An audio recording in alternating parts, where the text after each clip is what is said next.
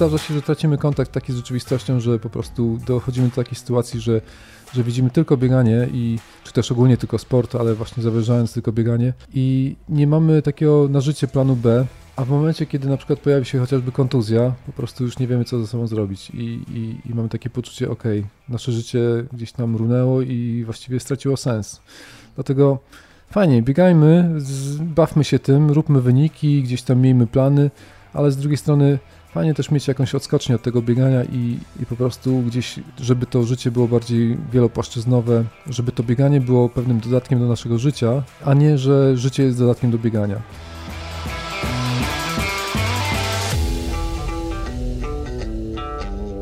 To był Rafał Kot. Ja się nazywam Kamil Dąbkowski i witam Was serdecznie w podcaście Black Hat Ultra. W tym podcaście poruszam tematy związane z przekraczaniem własnych fizycznych i mentalnych granic, z życiem na krawędzi własnych możliwości poza strefą komfortu. Rozmawiam z osobami, które wymagają od siebie i od życia bardzo dużo.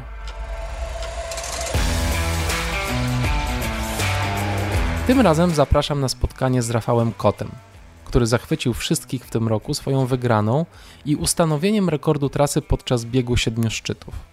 240-kilometrową trasę przebiegającą przez wzniesienia Kotliny Kłodzkiej Rafał pokonał w obłędnym czasie 27 godzin 51 minut i 49 sekund, czyli o 2,5 godziny szybciej niż przed rokiem, gdy też zajął pierwsze miejsce. Niebywałe są również treningi Rafała. Rafał pokonuje biegowo około 800 km miesięcznie, Podobny dystans przebywa na rowerze. Do tego dorzuca kilka dni trekkingu, gdy jest w górach i sporo, sporo siłowni. Rafał pisze o swoich treningach na facebookowym profilu Góral z Mazur. No właśnie, bo przekot pochodzi z Mazur, a walczy w górach jak rasowy góral. Obserwując jego dokonania, rosły mi w głowie pytania: jak on to robi? Jak godzi życie ze sportem? Jak trenuje na płaskim, a potem wymiata w górach? No i po co to wszystko? Na szczęście znalazłem odpowiedzi na swoje pytania. Posłuchajcie.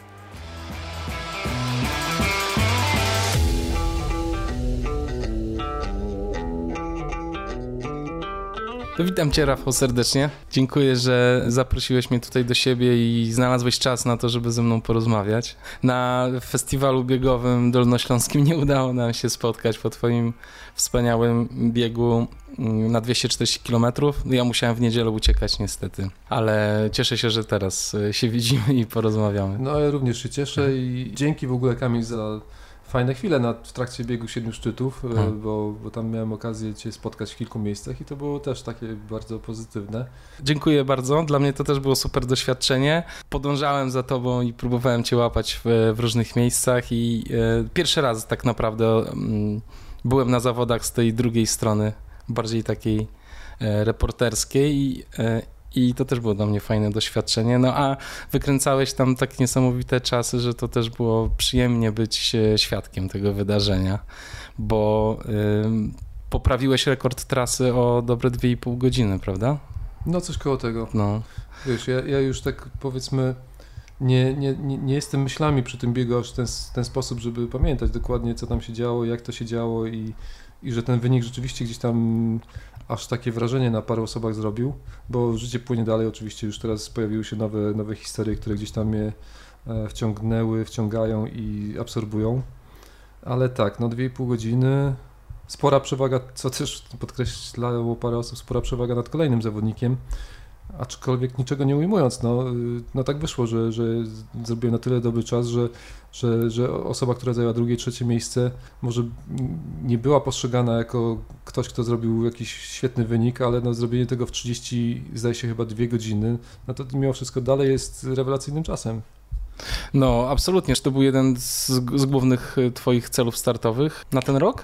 Tak chyba mogę powiedzieć w sumie, bo, bo jakoś tak myślałem o kilku startach jako takich docelowych jednym z nich właśnie w środku sezonu był bieg siedmiu szczytów. Miałem swój plan na ten bieg dokładnie taki, jaki udało się zrealizować. Oczywiście mm, fajnie wyszło, że, że nie, nie, nie, nie dałem się podpuścić w kilku sytuacjach, żeby powiedzieć, jakie gdzieś rzeczywiste y, siedzą mi w głowie plany na ten bieg, że, że, że że chciałem, no zrealizowałem dokładnie to, co mi w głowie się działo. Ten wynik, który, który się tam pojawił, nie był zupełnie przypadkowy, tylko gdzieś tam miałem plan, który konsekwentnie realizowałem od wielu miesięcy. A za to w jakichś publicznych wypowiedziach, y, no tak dosyć y, tonowałem te oczekiwania, bo, bo wiedziałem, czym to, z czym to, to się wiąże, że po hmm. prostu jeżeli rozdmuchamy nad wyraz pewne mm, i oczekiwania innych wobec nas i samych wobec siebie, no to później z dużego konia bardziej boleśnie się spada i, i, tak nie chciałem, żeby tak było, no bo żeby, żeby był sukces jednak na takim biegu musi się z, złożyć poza tym, że my wypracujemy pewien, y, ułożymy sobie pewien scenariusz i konsekwentnie będziemy go realizować, no musi się jednak złożyć pewnych parę rzeczy, y, które, no, które które wcale nie muszą zadziałać, które mogą po prostu się tam z, nie udać, więc, więc yy, no, Jakie rzeczy na przykład zaliczasz do takich... No chociażby pogoda. No. Będzie mhm. taka, a nie inna, która tobie nie odpowiada i, i, już ma jakiś tam wpływ. No chociażby jakieś problemy z żołądkiem, na które wiesz, zjesz coś dwa dni przed biegiem, a akurat wyjdzie w trakcie biegu, czy nawet w trakcie biegu coś, coś zjesz, wypijesz nie tak i, i zacznie się coś dziać. No i miałem takie biegi, gdzie, gdzie na początku biegu po prostu zaczęły mi się robić rewolucje żołądkowej, no i mimo fizycznego przygotowania bardzo dobrego wiedziałem, że już jest po biegu, tak więc... Mhm no, no tutaj tak samo mogło być. No i tak samo takie historie się zdarzają naj, najlepszym biegaczom, więc, więc wiedziałem, mówiłem, że okej, okay, jest tu wynik dobry do zrobienia, pogoda zdaje się, że będzie fajna. E, przygotowałem pewne rzeczy typu e, support chłopaków, też mieliśmy w miarę tam opracowane to i, i wiedziałem, że dzięki supportowi można tutaj trochę zyskać, więc myślę, że dobrze się do tego przygotowaliśmy, ale, mhm. ale no tak jak mówię, mogły się zadziać pewne rzeczy, na które nie mamy wpływu. Na szczęście tutaj wszystko poszło tak, jak miało pójść i, i stąd ten wynik. I ten wynik ciebie nie zaskoczył, tak? I mniej więcej miałeś plan na początku, tak? Jak no, powiem szczerze, że, że, że to, to był taki plan, tak. A, no to... Plan, który mi gdzieś się pojawił na początku tego roku w głowie, jako na jeden z takich głównych docelowych startów. Pierwszym miała być y, Istria, no, która nie wyszła z racji tego, że, że w międzyczasie się pojawił trochę też inny pomysł na to, żeby mm, powalczyć o Mistrzostwa Świata we Francji w biegu 24-godzinnym, a w związku z tym, żeby wziąć udział w tych mistrzostwach, no trzeba było zrobić minimum y, mistrzowskie, mm, klasę mistrzowską PZLA, mm, mhm. która wynosiła 235 km w tego typu zawodach. Stwierdziłem, że jedynym takim racjonalnym terminem, gdzie mogę wcisnąć tego typu zawody już dosyć napięty w tamtym czasie plan na, na ten sezon, to były Mistrzostwa Polski w biegu 24 godziny, które były pra, prawie, że się pokrywały z Istrią, no i stwierdziłem, że okej, okay, zaryzykuję, no spróbuję zrobić te Mistrzostwa Polski, zrobić tutaj to minimum kwalifikacyjne na Mistrzostwa Świata, a z drugiej strony pojechać na Albi. No udało się zrobić minimum kwalifikacyjne, ale Istria akurat jakoś nie poszła, no bo pójść nie mogła za bardzo. No, oczywiście, to, to jest ryzyko pewne, to, tak. to tutaj podejmujemy pewne decyzje. No ale gdyby nie ta decyzja, to dzisiaj nie miałbym możliwości jechać na Mistrzostwa Świata, więc coś za coś. Absolutnie tak. No dobrze, ale zanim y, mm, opowiemy jeszcze o innych Twoich y, sukcesach tegorocznych, bo jest ich y, sporo, ten sezon jest dla Ciebie wyjątkowo łaskawy, to opowiedz mi, skąd pochodzisz, jak przebiegało Twoje dzieciństwo, opowiedz trochę o sobie, co zbudowało biegacza, którym jesteś dzisiaj. Ha, no wszystko się zaczęło dawno, dawno temu, za siedmioma górami i rzekami na malowniczej, malowniczej krainie, która się nazywa Mazury, w mieście Szczytno. Już swoje lata trochę mam, bo się urodziłem w 79 roku. Trochę w życiu przeżyłem historii takich, że jakoś życie mnie przymusiło do emigracji głównie zarobkowej, no ale też takiej, żeby odpocząć chyba trochę psychicznie od, od, od naszego kraju, który gdzieś tam po drodze zaczął w pewnym momencie mi ciążyć swoją taką nabrzmiałą sytuacją polityczno-społeczną. Hmm. Stwierdziłem, że, że trzeba gdzieś tam trochę chyba od tego detchnąć i nabrać dystansu. I w 2004 roku wyjechałem do Irlandii na 7 lat, ponad 7 lat. No i to był taki, powiedzmy, moment, gdzie, gdzie musiałem sobie powiedzieć, że albo zostaję w Irlandii na stałe, albo, albo jednak wracam do Polski, bo po tylu latach to już no trzeba się zdeklarować. To nie można wrzucić tak w zawieszeniu, tylko trzeba po prostu podjąć decyzję, co chcemy w życiu robić. Mhm. Ja stwierdziłem, że, że wracam do Polski. W tamtym czasie w ogóle jeszcze z bieganiem kompletnie nic nie miałem wspólnego. Pracowałem w Irlandii jako e, w, w takim dużym magazynie. Ze sportem zupełnie nie miałem wspólnego nic, o tyle tylko, że, że gdzieś tam musiałem nieźle fizycznie pracować y, w tym magazynie. No ale powiedzmy jakoś tam ruch mi towarzyszył cały czas, o tyle, że gdzieś tam do pracy na rowerze dojeżdżałem. Sa samochód się, do, dorobiłem samochodu właściwie dopiero niedawno, parę miesięcy temu. Y, całe życie gdzieś tam na rowerze czy na piechotę i, i nie miałem z tym żadnego problemu. Jakieś pokonywanie odległości nie było dla mnie żadnym problemem, wręcz miałem takie poczucie, że pomaga utrzymać jakąś, jakąś, jakąś formę. Bieganie zupełnie się właśnie przypadkowo pojawiło pod koniec mojego pobytu w Irlandii. Mm. Jeszcze pracując właśnie w tym magazynie pojawiał się taka, taki pomysł na zrobienie biegu, który się nazywał, zdaje się, Corporate Run. Polegało to na tym, że trzeba było zebrać cztery osoby do drużyny i zrobić łącz, razem bieg na 5 kilometrów. Brakowało jednej osoby, tak więc padło pytanie do mnie, czy nie zechciałbym wziąć w tym udziału. Stwierdziłem, no dobra, piątka, co to jest piątka? To można w ogóle rzut beretem i to można sobie na maksa polecieć i, i, mhm. I, i będzie fajnie, tylko frajda. No i oczywiście jak pomyślałem, tak zrobiłem. Po dwóch kilometrach zdychałem tak, że myślałem, że wypluję płuca, serce i wszystko. No miałem nauczkę, dotarłem do mety jednak mimo wszystko i, mhm. i stwierdziłem, że, że gdzieś tam trochę też przy, powiedzmy zachęcony przez innych znajomych do tego, że, że może warto gdzieś tam od czasu do czasu sobie pobiegać, może w jakichś zawodach kolejnych wziąć udział. No i tak to się narodziło. Narodził się pomysł najpierw piątka, później dziesiątka, gdzieś tam na horyzoncie półmaraton. Po zrobieniu półmaratonu oczywiście gdzieś tam pojawił się pomysł na zrobienie maratonu. Oczywiście mówimy wszystko na, na, najpierw o asfalcie.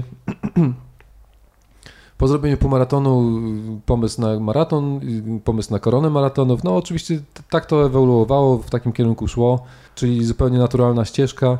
I zupełnie przypadkowo w pewnym momencie po tym jak wróciłem do Polski, razem z Rafałem Wilczkiem, który będzie teraz, jest od pewnego czasu ze mną na biegach jako mój support, stwierdziliśmy, że jedziemy w góry, przy okazji robiąc bieg, który się nazywał Górski Półmaraton Ślężański. No i tak to się zaczęło. Po pierwsze właśnie jakikolwiek pierwsze doświadczenie biegu trailowego gdzieś tam z elementami górskimi, mhm. a przy okazji po raz pierwszy wizyta w Bieszczadach i w Tatrach, do których trafiłem zaledwie 5 lat temu.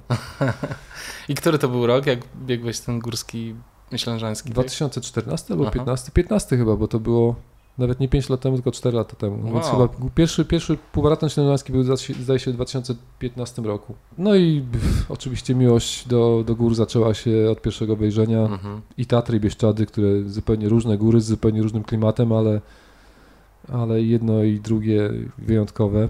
Mhm gdzieś tam zaczęły właśnie się pojawiać kolejne pomysły na kolejne biegi górskie. Też nie, na początku nie potrafiłem się zdecydować, określić, co, co, co tak naprawdę chciałbym robić. Czy biegi alpejskie, anglosaskie, czy długi dystans, czy ten najdłuższy, właśnie biegi ultra.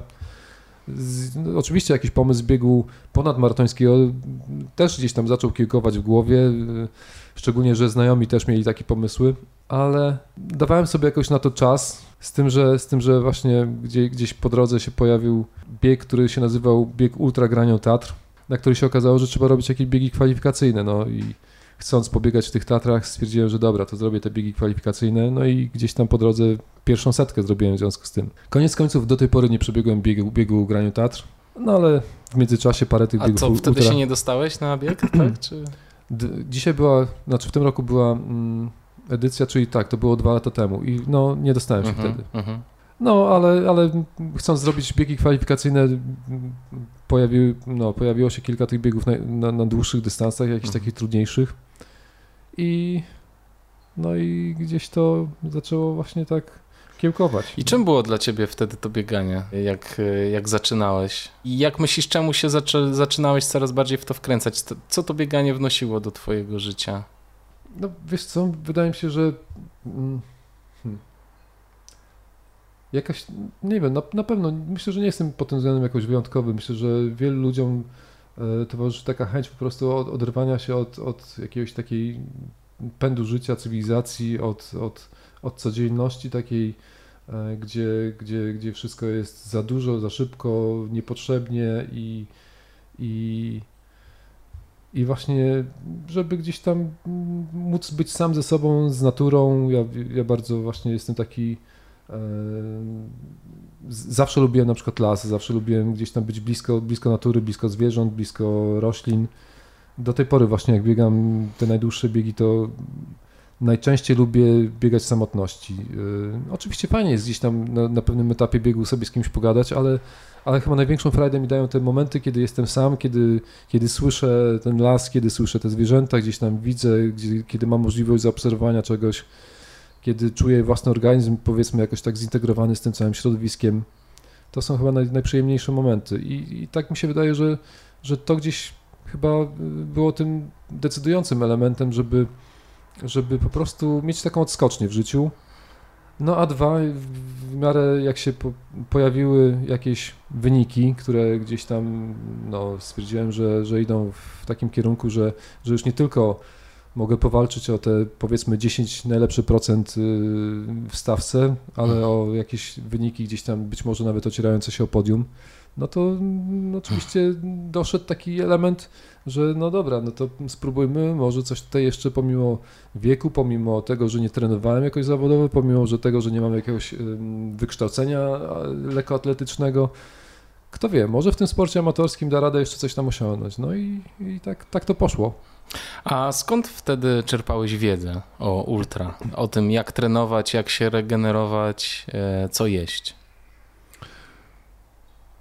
Jak wyglądał ten proces twój nauki tak naprawdę ultra? To znaczy, ja mam wrażenie takie, że y, szczególnie na, w mediach społecznościowych jest wielu ekspertów od, od różnych rzeczy, którzy niekoniecznie ekspertami y, są, no ale w swoim przekonaniu są. I, i oczywiście no, słucham, czytam i próbuję analizować, próbuję jakoś wyciągać wnioski. Czasem się z nimi zgadzam, czasem niekoniecznie, czasem wydaje mi się coś y, rozsądne, czasem niekoniecznie. E, ale przede wszystkim e, wiedzę czerpię sam od siebie, sam, sam wypracowuję pewne schematy mm, treningowe, czy, czy, czy jakieś właśnie, mm, jeżeli chodzi o żywienie, jeżeli chodzi o mm, żele czy batony energetyczne na czas biegu. Myślę, że po prostu słucham swojego organizmu, słucham, widzę jakie mam doświadczenia, co na mnie działa dobrze, co, co działa źle, jakie e, treningi dają mi lepsze efekty, jakie gorsze. I chyba to właśnie to, własne doświadczenie chyba jest najważniejsze, przynajmniej dla mnie. Mhm. No właśnie, porozmawiajmy chwilę o Twoich treningach, bo trenujesz bardzo dużo teraz. Jak opisujesz na Facebooku mm, ilości godzin i kilometraże, jakie robisz, to są imponujące. Kiedy doszedłeś do tego, że taki sposób trenowania dla ciebie jest odpowiedni? A może, może to jest proces, który cały czas trwa, może coś ciągle zmieniasz w swoich treningach, ale jak, jak wyglądał ten proces dochodzenia właśnie do tej formuły treningów, którą masz teraz? To znaczy, z pewnością jest to mm, proces, ponieważ cały czas jestem przekonany, że, że można zrobić pewne rzeczy lepiej, można zrobić inaczej i z większym, z lepszym efektem. Ale prawda jest taka, że na przykład w zeszłym roku te treningi wyglądały inaczej. Na przykład więcej biegałem po, po asfalcie, czy gdzieś tam po jakimś twardym terenie. Robiłem bardziej treningi szybkościowe, e, za to z mniejszą objętością, z mniejszym kilometrażem. Teraz postawiłem na większą objętość, a za to troszeczkę wolniej. Dorzuciłem do tego rower na przykład, e, tak więc cały czas szukam jakiejś formuły, która działałaby lepiej. Dorzuciłem też siłownię na przykład i wydaje mi się, że akurat w tym roku miało to lepsze przełożenie. Nie chcę powiedzieć, że w zeszłym roku to te wyniki były złe, ale jadąc na takie zawody, które robię w tym roku, czyli te naj, naj, najdłuższe, gdzie najchętniej na dystansie powyżej 100 km, no to jednak postawiłem głównie na, na, na, na objętość i na robienie kilometrażu. Z drugiej strony, żeby też nie zajeżdżać tych nóg, od, uciekłem trochę od asfaltu i bardziej, praktycznie 90% mojego biegania to jest gdzieś tam po bardziej miękkim terenie, gdzieś po lesie, no co jest poza tym przyjemniejsze. Tak więc myślę, że to cały czas jest Czyli proces. cały czas eksperymentujesz trochę. Cały czas eksperymentuję mhm. i, i, szukam jakiejś formuły, która, która by przyniosła optymalny, optymalny efekt. Jestem na razie na takim powiedzmy poziomie. Cały czas mam poczucie, że trenuję za mało. I, mam świadomość tego, że, że tu też jest pewna granica, że, że trzeba widzieć gdzieś na, na horyzoncie coś, co e, nie przekraczać pewnej granicy, ponieważ to przyniesie odwrotny skutek. No ale póki co na razie nie wiem, gdzie jest ta granica. Jeżeli pod koniec dnia nie, nie padam na kanapę zmę tak zmęczony, że nie mam siły iść pod prysznic, to często właśnie stwierdzam, że może jednak coś tam nie, nie dałem za, za, z, z, siebie tyle, ile powinienem dzisiaj na tym treningu. Mhm. E, a jak ważna w Twoim treningu jest regeneracja? Jak Ty to postrzegasz? No regeneracja jest y, oczywiście bardzo ważna i, i tutaj przyznam się szczerze, że, że zaniedbuję ten element, ponieważ mhm. za mało śpię, za dużo czasu poświęcam na jakieś, mimo wszystko na jakieś tam głupoty, czas, który mógłbym wykorzystać śmiało właśnie na, na, na, na, sen, który jest moim zdaniem chyba najlepszą regeneracją mimo wszystko. Nie mam za bardzo w mieście, w którym mieszkam, nie mam za bardzo możliwości korzystania na przykład z, z basenu. Co prawda mamy, no ale ale jest on prawie, prawie na wyłączność szkoły policyjnej, tak więc osoby z zewnątrz y, mają ograniczone możliwości korzystania z niego. Nie mam za bardzo za dużo możliwości korzystania z jakiejś sauny. Ważnym elementem, który się pojawił od początku tego roku, właściwie od, od, od, końca zeszłego roku, kiedy zaczęły tam nękać mnie niefajne kontuzje, to jest współpraca z profesjonalnym fizjoterapeutą, z Kamilem Iwańczykiem, którego pozdrawiam przy okazji. Dzisiaj obecnie jest w Stanach Zjednoczonych, pracując z Aśką Jędrzejczyk, pomagając jej przygotować się do, do walki o powrót do Mistrzostwa Świata. Tak więc doceniam i wiem, jaką rolę regularne spotkania z fizjoterapeutą dają przy po prostu osiąganiu pewnych wyników i przy unikaniu kontuzji. Jak często ty bywasz u fizjoterapeuty swojego?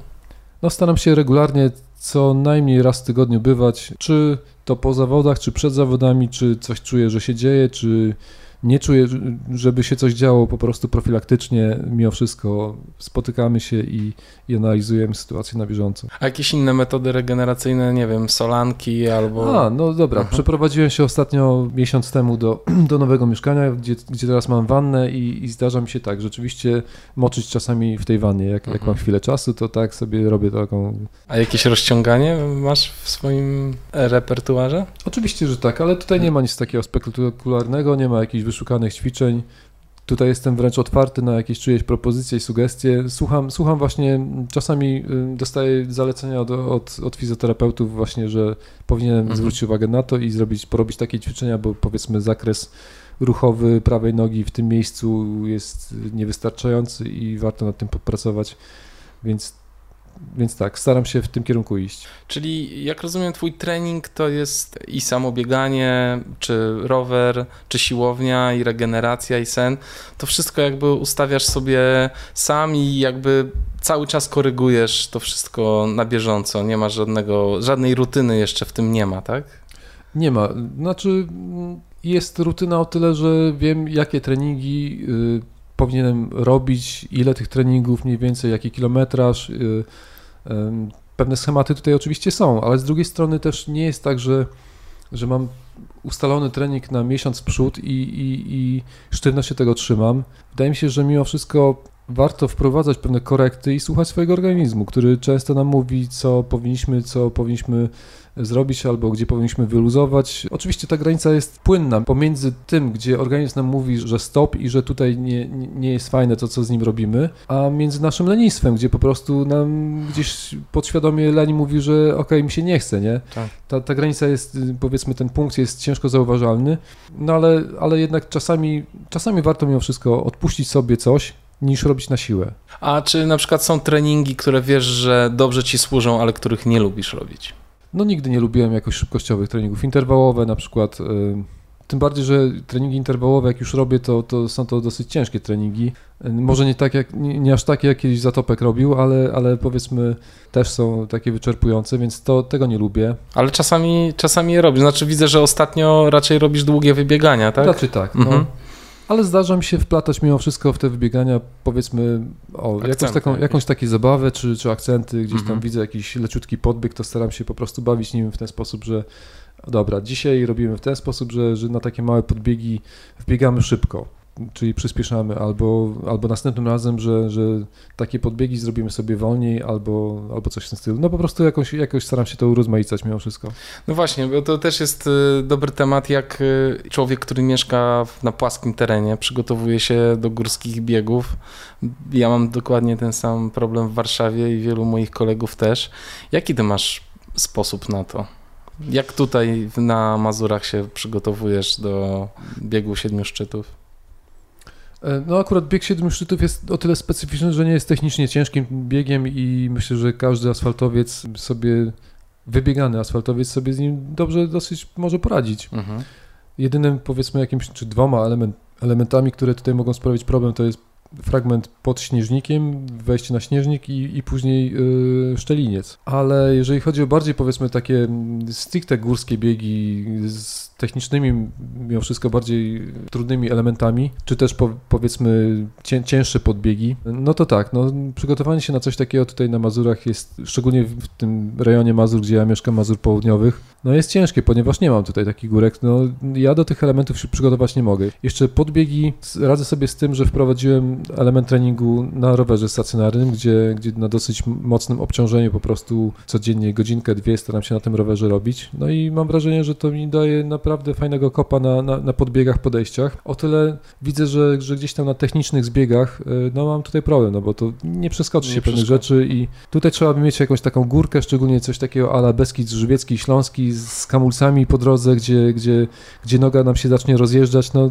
jedyny, jedyny, jedyna możliwość poradzenia sobie z tym to jest y, regularne trenowanie na takiej trasie.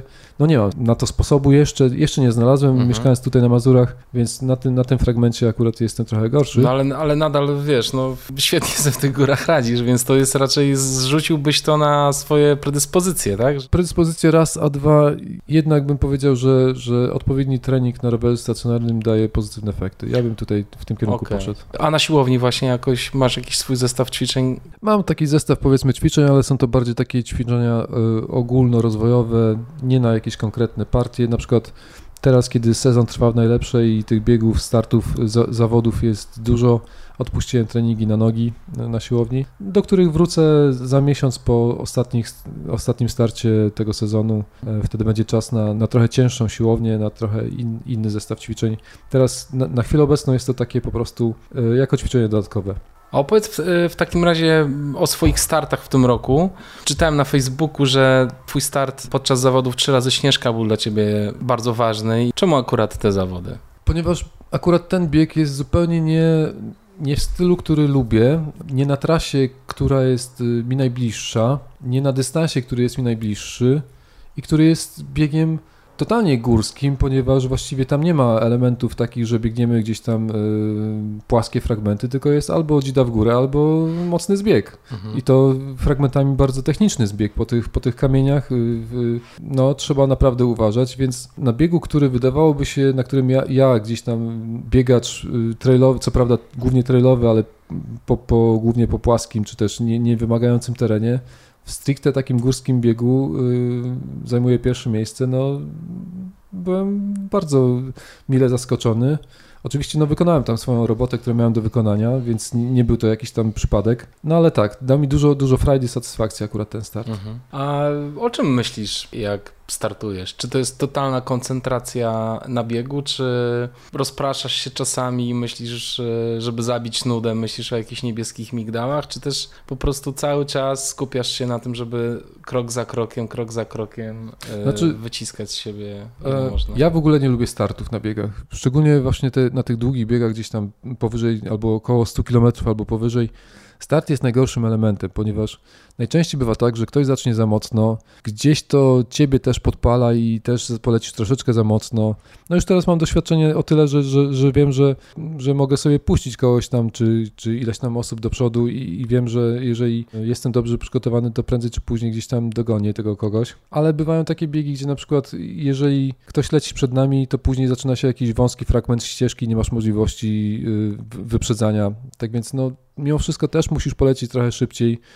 E, jednak w tym tłumie też e, iluś biegaczy jesteś. Ja lubię ten moment, kiedy to na piątym, dziesiątym kilometrze już się rozproszy na tyle, że, że, że jesteśmy sami i gdzieś w zasięgu wzroku właściwie nie ma żadnego biegacza. Wtedy Wtedy łapię taki swój rytm, patrzę na zegarek, na średnią, na, na, na tempo, czuję, słucham organizmu, czuję jak, jak mi bije serce, jak, jak, jak, jak działa oddech i wtedy mogę właśnie sobie zaprogramować się na taki, na taki odpowiedni rytm i, i, wtedy, wtedy fajnie to zaczyna działać. Czyli łapiesz taki stan flow trochę, tak? I wchodzisz w ten stan i starasz się utrzymać go jak najdłużej. Myślę, że tak. Myślę, że troszkę się, oczywiście będąc stuprocentowo skoncentrowanym na trasie, na tym, co się dzieje wokół mnie, z drugiej strony jednak trochę też wyłączyć te części głowy, które gdzieś tam są niepotrzebne. No. A czy ty lubisz rywalizować na takich trasach? Czy to jest tak, że biegniesz dla siebie, czy jednak walczysz o to, żeby wygrać? każdy start ma jakieś znaczenie. No, jest, jest, jest ważny i jest, jest ten element rywalizacji i powiedzmy tych, tego elementu sportowego to jednak tak, no, staram się o, walczyć o ten wynik, bo mam też takie sytuacje, że, że, że gdzieś tam sobie biegam z kimś czy, czy sam i mam takie poczucie, że, że, że, że nie mam potrzeby ścigania się z kimś, że, że, że, że bieganie jest fajne samo w sobie, ale jednak zawody to zawody, no tu nie, nie po to stajemy, żeby, żeby przynajmniej ja na tym etapie, powiedzmy, na którym teraz jestem, nie mam tak, że staję na, na starcie zawodów i sobie mówię, że ok, że to jest tylko takie treningowe, czy powiedzmy gdzieś tam tylko tak, żeby sobie po, polecieć. Jednak zawody to są zawody i jeżeli stajemy na starcie, to po to, żeby chyba jednak powalczyć o coś. A czy ty przed was zawodami mm, analizujesz, kto stanie z tobą na starcie i wiesz, z kim będziesz walczył? Zazwyczaj tak robię, ponieważ wychodzę z założenia, że im więcej wiesz, tym lepiej dla ciebie ale zdarzają się też takie sytuacje, kiedy mówię sobie, że, że po prostu nieważne kto tam będzie, ja mam plan na, na ten bieg odpowiedni i lecę według tego planu, bez względu na to, kto będzie, jak będzie bieg i co będzie robił. Bo opowiadałeś też o tym, że no, jesteś miłośnikiem natury i lubisz przebywać po prostu sam w lesie, w górach. Czy jak, jak, ty to, jak ty to równoważysz u siebie? Tak naprawdę po co ci są te zawody? Jak rozumiem, masz w sobie dużą żyłkę takiego sportowca i, e, i lubisz walczyć o, o pierwsze miejsce, ale tak naprawdę gdzieś e, pod spodem tego wszystkiego jest twoja miłość do natury i jak ty to sobie układasz wszystko? Wiesz co, właśnie dlatego biegam te długie dystanse, że, że tutaj możesz pewne rzeczy pogodzić. Z jednej strony właśnie tą rywalizację, a z drugiej strony masz na tyle dużo czasu i duż, na tyle dużo możliwości i tak długo jesteś na trasie często, że, że mm, pokonujesz taki dystans y, w tak różnych porach dnia i porach roku, że, że możesz jednocześnie też otaczającą cię zmiennością tej natury no jakoś podziwiać. No. Ja, ja, bardzo często mam takie chwile, że, że gdzieś tam w trakcie biegu się na chwilę wy, wy, wyłączę, zatrzymam i, i po prostu popatrzę gdzieś tam na te góry i spojrzę na ten wschód słońca czy zachód słońca i, i, i gdzieś po prostu jakoś z tego energię też czerpię. E, no a z drugiej strony oczywiście później wracam do, do tego, co, co, co mam do zrobienia. Powiem tak, jakieś powiedział Jurek Kukuczka jadąc na kolejną górę, że po co przerywać, skoro tak dobrze idzie. Jeżeli ileś tam zawodów pod rząd zajmujesz bardzo dobre miejsce, czy też wygrywasz i jesteś zadowolony z tych wyników i nie łapią cię kontuzje i wszystko idzie w dobrym kierunku, no to po prostu myślę, że fajnie jak najdłużej utrzymywać ten stan, który też jest dodatkowym jakimś, jakąś adrenaliną, jakimiś endorfinami na mecie. Nie oszukujmy się, jednak y, wygranie zawodów jest to no, mega frajda, szczególnie ważnych zawodów, gdzieś tam dużych zawodów, gdzie była mocna stawka. Myślę, że myślę, że ta satysfakcja jest na tyle, na tyle duża, że, że, że daje siłę i jakąś taką moc. A powiedz, jakie dystanse są twoimi ulubionymi? No tak myślę właśnie, że w granicach 100 km i powyżej 100 km. Mhm. To jest to, co najbardziej lubię. I kogo w Polsce uważasz za największego rywala? Z kim chciałbyś stanąć na starcie? Znaczy, ja Mówię oczywiście o rywalizacji, ale tak. nie, nie, nie, traktuję nikogo jako rywala, tylko naj, najczęściej wolę podchodzić do ludzi, tak podchodzę do ludzi, że to są po prostu koledzy, kumple i że takie relacje mamy. Oczywiście jak są zawody, no to każdy z nas daje z siebie wszystko i chce, chce jak najlepszy wynik osiągnąć, ale gdzieś tam poza tym fragmentem jesteśmy i mam nadzieję, że jesteśmy i tak chciałbym, żebyśmy byli po prostu dobrymi znajomymi. Mhm. Ale może masz kogoś, kogo podziwiasz? Oczywiście, i... podziwiać, mam, mam takie osoby. Mhm. Od zawsze podziwiałem na przykład Marcina Świerca. Taką osobą gdzieś tam moim zdaniem niedocenianą i zbyt mało zauważaną przez środowisko biega, biegowe, biegaczy ultra jest Tomek Komisarz moim zdaniem, który swego czasu na mnie osobiście zrobił mega wrażenie swoimi wynikami i szczególnie swoim stylem biegania, gdzie on zaczynał często bardzo wolno, gdzieś tam z dala od tych czołowych miejsc i w trakcie biegu przesuwał się do przodu i, i, i wygrywał koniec końców ten bieg z mega wielką przewagą.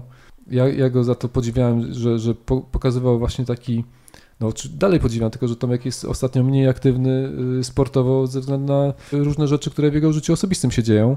Właśnie to, że, że, że potrafił zachować tak zimną głowę, że znał na tyle swoje przygotowanie i swój organizm, że wiedział, że pomimo tego, że zacznie wolniej, no to ta robota będzie wykonana i że to inni podpadają gdzieś po drodze, a on się okaże tym tym najlepszym. I zrobił to wyglądając tak, jakby gdzieś tam dawało mu to tylko satysfakcję i radość, a nie, a nie, a nie sprawiało jakieś tam problemy, czy bóle, czy, czy, czy zmęczenie. No ale jednak wrócę do, do mojego pytania, z kim chciałbyś stanąć na starcie twojego no do, ulubionego no okay. dystansu? Oczywiście, że, że powiedzmy jak ten poziom się wskakuje na, kolej, na, na kolejny szczebelek i, i gdzieś ta poprzeczka cały czas jest, jest coraz wyżej, masz poczucie, że, że, że twój poziom jest coraz lepszy, no to sięgasz myślami o te nazwiska uważane za, za najbardziej, na, za najlepszych biegaczy. No kurczę, stanąć na, na starcie z takim Kilianem, czy, czy, czy Kapelem na przykład, czy biegaczami, którzy notorycznie stają na starcie biegu Ultra de Mont Blanc. Mhm. No tak. To by no było to, coś. No to to by było coś. No. A próbowałeś, biegłeś kiedyś już UTMB, czy... Nie, ponieważ jest to na tyle ważny i fajny bieg, y, że powiedziałem sobie, że stanę tam, że pobiegnę tam w momencie, kiedy będę czuł, że jestem odpowiednio przygotowany, że, że to nie jest taki bieg, który od tak hop można sobie zrobić. Tym bardziej, że jednak no, jest to kosztowna impreza, kosztowna wyprawa i nie, nie, stać mnie na tyle, żeby sobie robić od takie wycieczki gdzieś tam, gdzie, gdzie, gdzie chciałbym po świecie.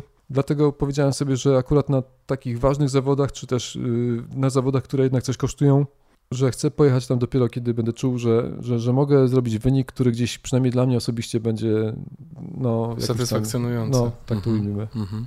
Czy masz w tej chwili w głowie jakiś plan, w którym roku chciałbyś stanąć na starcie UTMB? No, powoli jakoś tam w głowie się rozwija plan pomysłu na przyszły sezon i powiem szczerze, że nie wykluczam, że przyszły rok to będzie odpowiedni czas. Hmm, fajnie. A właśnie opowiedziałeś o wymiarze finansowym wyjazdów. Opowiedziałeś mi przed, przed rozmową, że, że nie pracujesz. Jak ty godzisz y, życie z bieganiem? Czy udaje ci się jakoś utrzymywać ze sponsoringu, który masz? Jak, jak to się dzieje w twoim życiu? Jak, jak to układasz wszystko? To znaczy, powiedzmy, że wciąż jakoś tam bazuję na pewnych oszczędnościach, które miałem po pobycie w Irlandii. Mhm. No docelowo chciałbym się powiedzmy jakoś utrzymywać y, zawodowo z biegania. Po to też będę robił właśnie teraz po zakończeniu sezonu y, za miesiąc y, zaczynam kurs trenera lekkiej atletyki. E, docelowo chciałbym no, wykorzystać swoje jakieś doświadczenie, swoją wiedzę i to, co się dowiedziałem sam trenując i sam biorąc udział w zawodach, przekazać też innym i być może właśnie stworzyć taką niewielką grupę biego, bieg, biegaczy, przygotowując ich głównie do biegów ultra gdzieś tam po, i po górach i zająć się trochę właśnie trenowaniem, trenowaniem innych zawodników. Oczywiście chciałbym być dobrze do tego przygotowanym i właśnie stąd ten pomysł y, odpowiedniego kursu, bo chciałbym mieć poczucie, żeby komuś pomóc, a nie zaszkodzić. No tak, no bo to jest zupełnie inna sprawa układać sobie samemu treningi, prawda, i w, bazować tylko na tym, co się czuje, a zupełnie inną rzeczą jest uczenie innych. No to prawda, tym bardziej, że... Trzeba ja... być tu trochę profesjonalistą, prawda? Tak, tak, tak uważam. Widzę taki trend, że jakaś część dobrych biegaczy, która zacznie osiągnąć wyniki, staje się no, poniekąd y, przypadkowo często, bo, bo po prostu inni znajomi ich podpytują, co byś zrobił w tej sytuacji, albo co byś mi poradził, albo weź mi tutaj, rozpisz jakiś tam plan treningowy, więc często bywa to tak, że, że jakoś tak mimochodem, czy przypadkowo do takiej sytuacji dochodzi, ale mam wrażenie, że często uczą, dają porad, powiedzmy w cudzysłowie, fachowych odnośnie biegania osoby, które nie do końca powinny. Dlatego ty chciałbyś to doświadczenie zabrać, No, no chciałbym, tak? bo chciałbym mhm. mieć takie poczucie właśnie, że, że wyeliminować ten, tą możliwość jakiegoś przypadku, że, że, że, że komuś mógłbym zaszkodzić. Mhm. To jest dla mnie, no nie, nie chciałbym takiej sytuacji. I gdzie taki kurs chciałbyś zrobić? No to się nazywa mm, Polska Akademia Sportu w mhm. Warszawie. Dosyć mocna kadra, jeżeli chodzi o wykładowców. Z tego co wiem, wcale nie jest łatwo na tym kursie. Zrobienie dyplomu kończącego wcale nie jest takie proste, więc trzeba będzie się przyłożyć do tego. Ile trwa nauka na, na dyplom? Zdaje się półtora, półtora czy dwa miesiące, coś koło tego. To są zajęcia z jazdy co, co tydzień, cały weekend. Tak więc trwa to chyba 8 czy 9 tygodni. No dobrze, czyli tak naprawdę masz w głowie, tak inwestujesz w siebie, w to bieganie, bo masz w głowie, chciałbyś tak naprawdę żyć z tego biegania dłużej, tak? Oczywiście, no myślę, że, że to już się stało powiedzmy takim trochę sposobem na życie i takim czymś, co determinuje to moje życie i jeszcze dopowiem w sumie, że z jednej strony właśnie do, zawodowo, z drugiej strony wciąż mam wsparcie y, sponsorów i o to wsparcie dalej zabiegam i jakoś to idzie też w tym kierunku ponieważ no, no, nie oszukujmy się, jednak tutaj przynajmniej te wyjazdy na zawody, czy też y, sprawy techniczne, jeśli chodzi o, o sprzęt biegowy, to są duże pieniądze, znaczy duże, no stosunkowo, no jednak, jednak każdy, każdy wyjazd to jest ileś tam set złotych przy kilometrażu, który w tym roku do tej pory wynosi u mnie 6000 km biegowych, y, samych butów no zużywam no, jakby nie było też dużo. Więc to wsparcie od sponsorów oczywiście jest i, i, i też yy, bardzo je doceniam. Ale tak, ale jeżeli chodzi o samo bieganie, to myślę, że się na tyle ważnym elementem stało mojego życia, że, że chciałbym je wykorzystać i no i przez co najmniej najbliższe lata właśnie temu, temu się poświęcić. Mhm. A w jaki sposób y, szukasz sponsorów? Jak to u ciebie wygląda? Ile czasu na to poświęcasz i mm, skąd wiesz, jak to robić w ogóle? No właściwie nie wiem, no, ale wychodzę z założenia, że, że gdzieś tam obracając się w tym środowisku biegowym, jakiś ludzi się poznaje, ktoś, ktoś coś może, ktoś coś chce.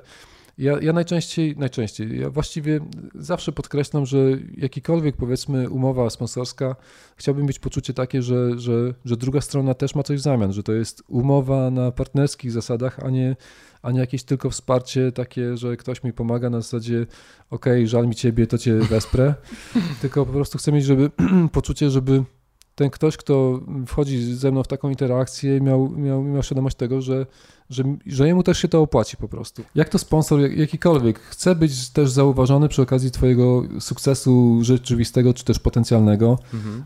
Myślę, że w tym roku akurat tych sukcesów, sukcesików gdzieś tam e, sportowych udało mi się parę osiągnąć. Jest jakiś powiedzmy cień szansy na to, że na Mistrzostwach Świata e, też wypadnę nie najgorzej. Myślę, że ogólnie my jako reprezentacja Polski drużynowo mamy naprawdę duże szanse, czy też kobieca, czy, czy męska, na, na, na, medal w ogóle Mistrzostw Świata. Takie jest moje osobiste zdanie, zobaczymy jak się okaże, no ale widząc poziom chłopaków, czy, czy, czy też mój, wydaje mi się, że możemy tutaj śmiało o coś powalczyć. I fajnie, że akurat taka firma jak Grupa Lutrans między innymi zauważyła tutaj pewien potencjał, że, że, że okej, okay, wspieramy, ale też być może właśnie na tym wsparciu mm, skorzystamy o tyle, że, że, że, że zostaniemy gdzieś zauważeni, że przy okazji mojego nazwiska właśnie gdzieś, gdzieś oni będą też widoczni. Bardzo się cieszę, że, że, że moje nazwisko i moja osoba podziałała na kogoś tak, że, że, że, że widzą w tym też możliwość reklamy dla siebie. Jest to tak, jak najbardziej to... fajne i pozytywne w jedną i drugą stronę. Tak, absolutnie. To jest e, moim zdaniem rewelacja. W sensie więcej takich firm by się przydało, prawda? Które widzą w ten sposób e, szansę na promocję własną. Jasne, że tak, ale przy okazji też dopowiem, bo mm, przy okazji właśnie mm, jakichś informacji o tym, że, że, że e, Luktrans będzie mnie wspierać na mistrzostwach, na mistrzostwach świata, pojawiły się też y, pewne sugestie, pewne, pewne y, komentarze, że, że ja przechodzę do grupy Luktans, która, która mm, ma też własną swoją grupę biegową. To, to nie jest na razie tak. Ja, ja pozostaję w grupie My Running Team. Jestem w niej od początku tego roku i, i dalej biegam dla My Running Team. A to się zapytam od razu, a jak ci jest w My Running Team? Jak wygląda wasza współpraca w teamie? Na czym polega wzajemne wspieranie się w My Running Team? No tak, no, mm, jest to na tyle obszerna grupa, powiedzmy, biegaczy, która skupia wokół siebie też biegaczy na, na bardzo różnych poziomach. E, od totalnych, takich powiedzmy, nazwijmy to amatorów, którzy gdzieś tam wręcz zaczynają biegać na tym poziomie amatorskim, do biegaczy, którzy, którzy gdzieś tam robią już jakieś wyniki, zauważalne w Polsce i wręcz za granicą. W związku z tym no, jest mało takiej możliwości, żebyśmy mogli się gdzieś tam fizycznie e, razem spotykać zbyt często. Najczęściej się spotykamy gdzieś tam na, przy okazji jakichś zawodów i wtedy mamy możliwość porozmawiania omówienia pewnych kwestii, które się gdzieś tam nawarstwiają, kumulują i które musimy powyjaśniać. Ale tak, no jest to przede wszystkim wsparcie, powiedzmy, jeśli chodzi o jakieś same wyjazdy na zawody, czy też moja Running Team współpracuje z różnymi firmami sportowymi, które też mają możliwości zaopatrzenia zawodników w sprzęt, więc mhm, no, mhm. przede wszystkim jest to taka, tak, taka, powiedzmy, współpraca. Oczywiście nie mówimy tutaj o takich profesjonalnych y, firmach, które mają pieniądze na, na wszystko właściwie, tak więc zawsze tych pieniędzy, szczególnie na takie wyjazdy zagraniczne, E, typu właśnie teraz ten wyjazd do Francji na Mistrzostwa Świata, mhm. E, no tych środków będzie za mało, dlatego no stąd mój, mój, mój apel i moje, moje poszukiwanie kolejnych sponsorów, żeby móc to, ten budżet jakoś zamknąć, bo jeszcze tylko dopowiem o, o, o jakich pieniądzach tutaj mówimy i jak to ogólnie wygląda. No, ja obliczyłem, że, że mój wyjazd plus dwóch chłopaków do supportu jako serwis A tak to wygląda na tego typu zawodach, że chcąc robić wynik, chcąc próbować walczyć z najlepszymi, no musimy jednak coś mieć. Musimy mieć jednak to minimum profesjonalizmu. E, stąd chłopaki też jadą ze mną. E, budżet wyniesie około 11 tysięcy złotych, więc mhm. no są to dla mnie osobiście pieniądze, które, które ja miałbym wyłożyć z, z, własnej kieszeni. No są to duże bardzo pieniądze. Szczególnie jeżeli na przykład o przyszłym sezonie myślę, że takich tego typu zawodów chciałbym zrobić z 2-3 gdzieś za granicą na, na, porząd, na porządnym poziomie. Jest Polski Związek Lekkiej Atletyki, ale no powiem tylko tyle, że nie działa on tak jak na przykład w, w, w, takich Stanach Zjednoczonych, gdzie reprezentacja jest, rzeczywiście czuje wsparcie związku. U nas to wsparcie się mocno ogranicza do bardziej mentalnego wsparcia niż rzeczywistego. No, no i stąd musimy gdzieś tam szukać tych środków. Niektórzy, niektórzy godzą powiedzmy życie sportowe i zawodowe i, i, i mają możliwość pokrycia tego typu wydatków z własnej kieszeni. Ja nie do końca. Mm, no stąd właśnie szukam osób i firm, instytucji, które gdzieś tam E, chcą, chciałyby gdzieś tam w tym uczestniczyć, partycypować, ale tak jak mówię, na, na, partnerskich zasadach, tak żeby mieli poczucie, że, że im się też to opłaci. No, absolutnie. Zresztą robisz tak niesamowite wyniki, że wydaje mi się, że tu nie ma wątpliwości, że te firmy mogą zyskać to dużo yy, współpracując z tobą. Także no, masz tutaj mocną kartę przetargową, jeśli o to chodzi. A powiedz mi, bo co robiłeś w Szwecji? Co się tam wydarzyło? No zalaliśmy potopem Szwecję, tak jak oni kiedyś nas zalali. Tyle, tyle, że my zrobiliśmy to pokojowo w sposób biegowy. E, nie, no żartuję oczywiście. Pojechaliśmy, bardzo fajna, bardzo miła rzecz. E, stwierdziłem, że skorzystam. Dostałem zaproszenie od, od Chrisa z On The Move, e, który współpracuje ze Stena Line, która razem ze Skandynawia dla Aktywnych organizuje i festiwalem biegowym organizują właśnie cykliczną imprezę, która się nazywa Biegowy Potop Szwedzki. Jednym z elementów tej imprezy poza bieganiem po szwedzkich terenach gdzieś tam trailowych w ośrodku takim zamkniętym, bardzo ładnym a propos, jest spotkanie z gościem specjalnym. No i ktoś, ktoś wpadł na pomysł, że tym gościem specjalnym podczas tego wyjazdu będę ja. Stwierdziłem, że, że jest to fajna taka odskocznia od rutyny codziennych treningów i, i z chęcią skorzystałem. Tam było kilka tras. Ja oczywiście wybrałem najdłuższy dystans, ale stwierdziłem, że, że jestem akurat po ostatnim ultramaratonie na Ślęży i, i stwierdziłem, że, że, że nie będę się tutaj ścigał. Dam możliwość powalczenia powiedzmy tym normalnym uczestnikom, a ja jako zachowam się jak prawdziwy gość specjalny i, i, i pozwolę innym sobie powalczyć tym razem. No za to dodatkową pętlę jeszcze zrobiłem, stwierdziłem, że, że skoro tak sobie lecimy na, na spokojnie, to, to jeszcze sobie zrobiłem dodatkową pętlę i zrobiłem taki długi trening. Czyli taki typowy relaks i, i rzeczywiście oczyszczenie głowy, tak? Tak po myślę, tak do tego sezonie. Tak do tego podchodziłem, tym bardziej, że jeszcze że jeszcze czeka mnie poważne zadanie i, i chciałem akurat w tym momencie troszkę właśnie e, odreagować no pewne rzeczy. Mówisz o Albi, tak? O tym 24-godzinnym biegu? Mówię o Albi, a, a nie wykluczam jeszcze, że się pojawię na Łemkowynie. A, okej. Okay. Z tym, że akurat Łemkowyna, jeżeli pojadę, bo co prawda jestem na liście startowej, ale, ale muszę mieć 100% pewności, że, że, że ten start i te zawody nie wpłyną negatywnie na, na mój wynik e, na Mistrzostwach Świata, które są dla mnie totalnym priorytetem. Jeżeli będę miał takie poczucie, że nie wpłyną, to pojadę do Krynicy, jeżeli nie, no to sobie odpuszczę. No właśnie, opowiedz y, trochę, bo jak Łemkowyna wygląda, to myślę, że większość słuchaczy wie. Ale mm, jak wyglądają takie Mistrzostwa Świata w biegu 24 godziny? No jeżeli ktoś nie wie, jaka to jest formuła zawodów, no to teraz pewnie się przerazi, jak, jak usłyszy, ponieważ Biegnie się to po pętli asfaltowej, która, jak mówi regulamin, może mieć od, zdaje się, 1000 do 2000 metrów. Najczęściej jest to pętla około 1200-1300 metrów. Zamknięta pętla, gdzie jest w jednym miejscu pomiar czasu i w, w pobliżu tego pomiaru czasu są rozstawione e, ekipy supportowe. No i tak biegamy w kółko mhm. przez 24 godziny. Najlepsi, dopowiem tylko, że najlepsi robią około 260-270, może 280 km. Rekord świata jest zdaje się 300 z groszami. Janisa Kurosa, słynnego Greka. No jest to totalnie odjechany w ogóle wynik i zbliżenie się obecnie do, do w ogóle zbliżenie się do tego wyniku wydaje się mało realne, ale, ale no, ta, no najlepsi w każdym razie będą około 270 km na pewno robić. Rozumiem, że przy tej formule przynajmniej support nie musi biegać za tobą. Stoi... Nie musi biegać, ale z drugiej strony pamiętajmy, że, że my z tym supportem się widzimy de facto co parę minut, więc tak. oni też mają bardzo karkołomne zadanie, bo muszą cały czas praktycznie być w gotowości. No tak. Ty już wiesz, jak, jakiej długości będzie pętla tam na tych mistrzostwach? Prawdę mówiąc nie wiem. Mhm. Na, na pewno już jest wyznaczona trasa, ale, ale nie, nie, jeszcze nie, nie sprawdzałem tego. Mhm. Czy butów y, będziesz używał takich jak do trailu, czy... Nie, nie, zdecydowanie nie. To muszą być typowo buty asfaltowe. Aha. Znaczy muszą? No oczywiście można wszystko przebiec we wszystkim i można mieć y, kołki jak na największe błoto łemkowińskie, ale no nie, no to to się... Ale masz obiegane jakieś buty asfaltowe, bo niedużo biegasz po asfalcie, dlatego, dlatego pytam. Mam buty, w których robiłem y, Mistrzostwa Polski mhm. y, w tej samej formule, więc y, i od tamtej pory w nich nie biegałem, więc myślę, że dużo kilometrów jeszcze nie zrobiły, więc chyba się nada, nadadzą odpowiednio. I co, tam będzie duża konkurencja w Albi, co nie? Powiem tylko tyle. Ja myślę, że konkurenci też mają się czego bać, patrząc na polską ekipę, szczególnie, mhm. szczególnie jeśli chodzi o kobiety, o naszą Patrycję Bereznowską, Gosię Pazę Pozorską czy Oleni Wińską.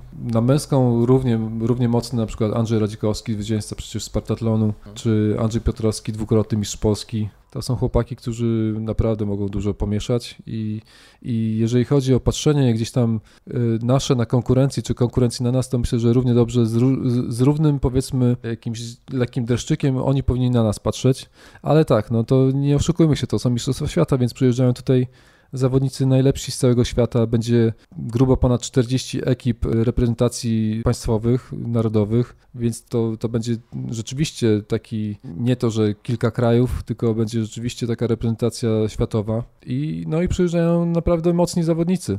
A możesz się podzielić tym, jaki masz y, plan, y, jaką masz strategię na ten bieg? Taką, jak sam radzę innym, czyli mhm zacząć y, wolniej niż to, jak mi się wydaje, że powinienem zacząć. Okej. Okay. Czyli generalnie pierwsze co, 12 godzin powoli, a potem przyspieszasz, czy jak to wygląda? Czy, czyli y, najpierw trzęsienie ziemi, a później napięcie ma tylko rosnąć, tak? nie, niekoniecznie. W tym przypadku niekoniecznie. Czyli jakie tempo sobie mniej więcej wyznaczasz na początek? Jak byś chciał zacząć? Myślę, że na, na takie powiedzmy wdrożenie się w bieg leciutko poniżej 6,0 na kilometr będzie odpowiednie. No tak ciągle a propos tempa wspominam, wiesz, Bedwater w tym roku, y, gdzie Patrycja Bereznowska zaczęła 6,40, a skończyła, jak wiemy, na pierwszym miejscu druga a Open. jakie średnio w ogóle tempo wyszło? Pamiętasz? Ach, nie pamiętam teraz. Natomiast panowie tam bardzo mocno pocisnęli, no ale w końcu Patrycja zyskała sporą przewagę nad nim. No właśnie i tu mamy odpowiedź na to. Tak.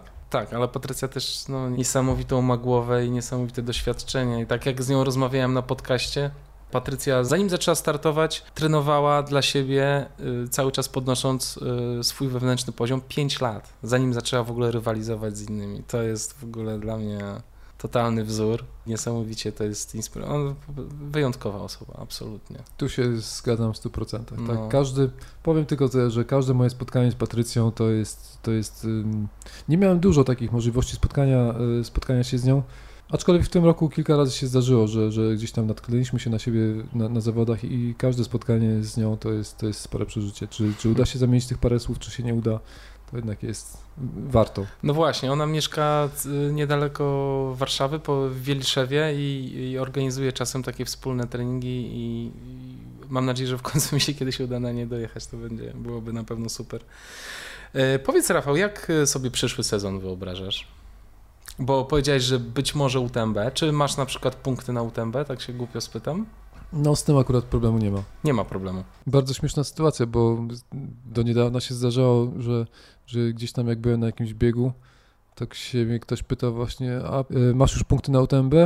Po, po to ten bieg właśnie biegłeś? Ja mówię, no nie, no nie, nie, nie po to, no bo, bo lubię ten bieg, bo fajna trasa, czy bo akurat jakiś inny powód, ale nigdy nie myślałem o punktach. Poza tym, jak kiedyś zbierałem punkty na Grand Tatr, której de facto nie zrobiłem, później nigdy w ogóle o żadnych punktach już nie myślałem. Mhm. Nie, pytam, bo na przykład jak z Marcinem Świercem rozmawiałem, to on miał taką sytuację, że cały czas myślał o UTMB, a potem się zorientował, że nie ma punktów. To było takie dosyć zabawne. Ale no to się może zdarzyć, jak się mm, wybiera biegi, które nie są punktowane, prawda? Więc... Dokładnie. No Marcin miał taki czas, że bieg, biegał krótsze biegi gdzieś tam albo właśnie tak. mm, niekoniecznie punktujące w UTMB, to prawda. Tak. No i ten przyszły sezon, y, oprócz UTMB, jak, jak sobie teraz, y, jak myślisz o przyszłym sezonie, to jakie starty sobie wyobrażasz? Czy chciałbyś poprawiać wyniki na biegach, y, które już robiłeś, czy, czy chciałbyś spróbować innych rzeczy? Na pewno muszę trochę poskramiać swoją wyobraźnię, ponieważ jest bardzo, powiedzmy, taka wybujała i ja bym chciał dużo, dużo zrobić, a mam też poczucie takie, że, że czas ucieka ale z drugiej strony wiem, że, że jak za dużo, jak przesadzę, no to efekt będzie odwrotny, więc też tutaj muszę trochę poskramiać tą wyobraźnię, ale oczywiście gdzieś tam się pojawiają pomysły. Na pewno chciałbym zrobić coś w Polsce, gdzieś coś jeszcze poprawić, gdzie będzie wydawało mi się, że warto to zrobić ale z drugiej strony na pewno będę chciał wyjść bardziej, powiedzmy, na, na imprezy zagraniczne. Dwa, trzy zawody takie gdzieś konkretne, jakieś za granicą. No co mi siedzi w głowie, no to powiem tylko tyle, że oczywiście gdzieś UTMB. Gdzieś tam mi cały czas siedzi ta Istria, która, do której dwa razy podchodziłem, raz z kontuzją, drugi raz po Mistrzostwach Polskich 24-godzinnych i tam też zszedłem z trasy z poczuciem, że, że nie ma po co lecieć do mety, bo, bo zmęczenie organizmu gdzieś tam było. Na pewno od, od kilku lat gdzieś tam na moją wyobraźnię działa Spartatlon. Na pewno Tour de Jean też gdzieś tam siedzi w głowie, ale jest to na tyle mocny, wymagający bieg, że, że to bardzo by wymagało jakichś tam mocnych przemyśleń i mocnych przygotowań. Być może bieg siedmiu szczytów y, y, ponownie, ponieważ mam świadomość tego, że gdzieś tam zawiesiłem poprzeczkę wysoko, ale wszystko jest do ruszenia i wszystko jest możliwe i, i gdzieś tam powalczenie o trzecie zwycięstwo z rzędu no, byłoby fajne. Ktoś kiedyś ktoś powiedział przy okazji na, na, na mecie tego biegu, że, że właśnie sobie gdzieś tam pisze historię ja myślę, że tą historię można jeszcze kolejne zdanie dopisać, więc też tutaj nie wykluczam tego scenariusza. Dziś może jakiś Gross Glockner albo Lavaredo, albo coś tutaj w Alpach, albo niekoniecznie w Alpach. No, różne pomysły wchodzą, przychodzą do głowy. A czy takie wyzwania jak Boot Challenge na przykład? Na Boot Challenge byłem nawet zapisany w zeszłym roku. Niestety przyszła kontuzja przed, przed zawodami. W sierpniu złapałem kontuzję, zawody były pod koniec września i ja już od, od właściwie połowy sierpnia w zeszłym roku miałem po sezonie, więc, więc bardzo, bardzo myślałem o tych zawodach. Mi się podoba formuła taka, tego typu biegu że właśnie bardzo lubię biegi, gdzie jest, gdzie jest formuła self-support, że jesteśmy zdani tylko i wyłącznie na siebie i... No właśnie, niewiele jest takich imprez. Prawda? Niewiele jest takich mhm. imprez. No, możemy sami sobie wykreować taką imprezę, to co zrobił na przykład teraz Robert Korab, że formułę self-support zrobił nowy rekord y, GSB. To też jest coś, co mi gdzieś tam w głowie siedzi i gdzieś tam od dwóch lat o tym myślę, że żeby po, zmierzyć się z, z GSB i spróbować właśnie gdzieś tam powalczyć o, o, o nowy wynik na tej trasie. Ale właśnie w formule self-supported, czy... Tak, właściwie chyba tylko taki, Aha. tylko to by mnie interesowało. Ale, ale chciałbym mieć poczucie, że mogę powalczyć taki wynik, który gdzieś tam mnie osobiście by satysfakcjonował, a nie wiem, czy, czy, czy, czy, czy byłbym przygotowany już na, na, takie wyzwanie, zrobienie takiego wyniku, czy też próbę zrobienia takiego wyniku. Mhm. Ale, ale gdzieś tam też w głowie siedzi.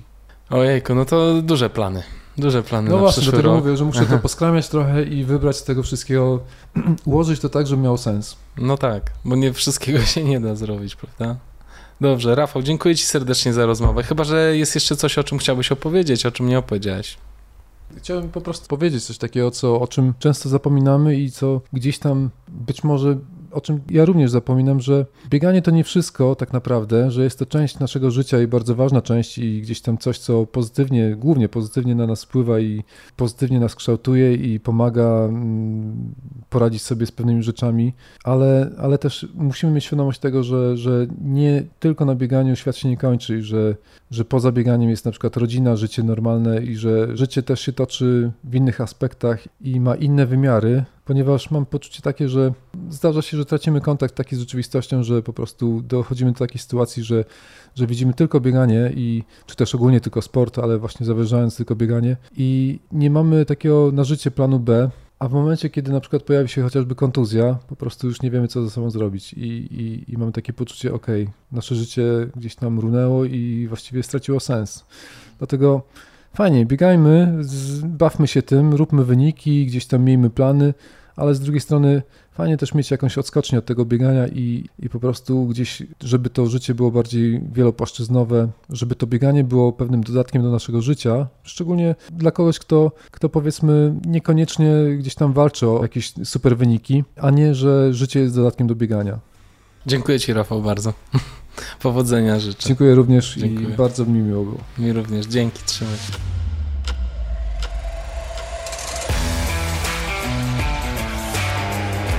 Dziękujemy Rafał za tę porcję inspiracji. Na pewno przyda się przy treningach do kolejnego sezonu. No właśnie, jakie są wasze najcieplejsze wspomnienia biegowe z sezonu wiosenno-letniego? Dla mnie to zdecydowanie bieg Ultra Granią Teatr, który bardzo chciałbym powtórzyć za dwa lata. Start w tym biegu udowodnił mi, że nie jest prawdą twierdzenie, że miejsce, w którym się biegnie, nie ma znaczenia, że skupienie na biegu odbiera możliwości percepcyjne otoczenia. Być może tak jest, jeśli się biega po niewielkich wzniesieniach i lasach, czyli po terenach, gdzie odbywa się zdecydowana większość polskich biegów. Jednak Tatry są inne. Mamy tu do czynienia z klimatem wysokogórskim, więc mamy do czynienia z przestrzenią, długimi podejściami, podłożem dużo bardziej biegowym niż w niższych górach, co zwłaszcza można docenić na zbiegach. A jeśli jeszcze do tego jest dobra pogoda, to może być absolutnie magicznie. I tak też było w tym roku, gdy słońce wschodziło nad Rakoniem i Wołowcem. A może dla Was sezon się jeszcze nie skończył? Może przed Wami jeszcze starty w Bieszczadach i na Łemkowynie? Może macie szerokie plany zimowe? Może dla Was sezon biegowy nigdy się nie kończy? Opowiedzcie o tym na Facebooku. Jednak niezależnie od Waszych planów, widzimy się 30 listopada na Ślęży i biegamy w intencji trzeźwości. A Hubert Kwaśniewski na pewno zadba o doskonałe towarzystwo i pyszne jedzenie. Wpiszcie tę datę do kalendarza. 30 listopada. Do zobaczenia. Dziękuję serdecznie za odsłuchanie kolejnego odcinka podcastu Black Hat Ultra. Jeżeli podobało Wam się i chcecie wesprzeć ten podcast, zachęcam do śledzenia strony facebookowej i instagramowej, udostępniania informacji o podcaście w relacjach i na swoich profilach. Niech wieść się niesie. Zapraszam Was serdecznie również do nagrania własnej historii o sobie i udostępnienia jej na łamach Black Hat Ultra Team, kolejnego podcastowego projektu, który uruchomiłem jakiś czas temu. Wystarczy zapisać się na grupę Black Hat Ultra Team na Facebooku. Znajdziecie tam pytania do Was i wsparcie techniczne od osób, które już mają pierwsze doświadczenia za sobą. Liczę na Waszą szczerość. Być może będzie to jeden z tych momentów, kiedy usiądziecie i zastanowicie się, dlaczego biegacie. Co jest dla Was ważne? Jak o tym opowiedzieć w ciekawy sposób? Myślę, że wszyscy chętnie Was posłuchają. Jeszcze raz dziękuję, że słuchacie tego podcastu. Dziękuję za miłe komentarze. To wszystko daje mi energię do działania, więc nie bójcie się wspierać mnie swoimi polubieniami i umieszczaniem informacji o podcaście Black Hat Ultra na swoich profilach w mediach społecznościowych. Dzięki za wszystko i buźka.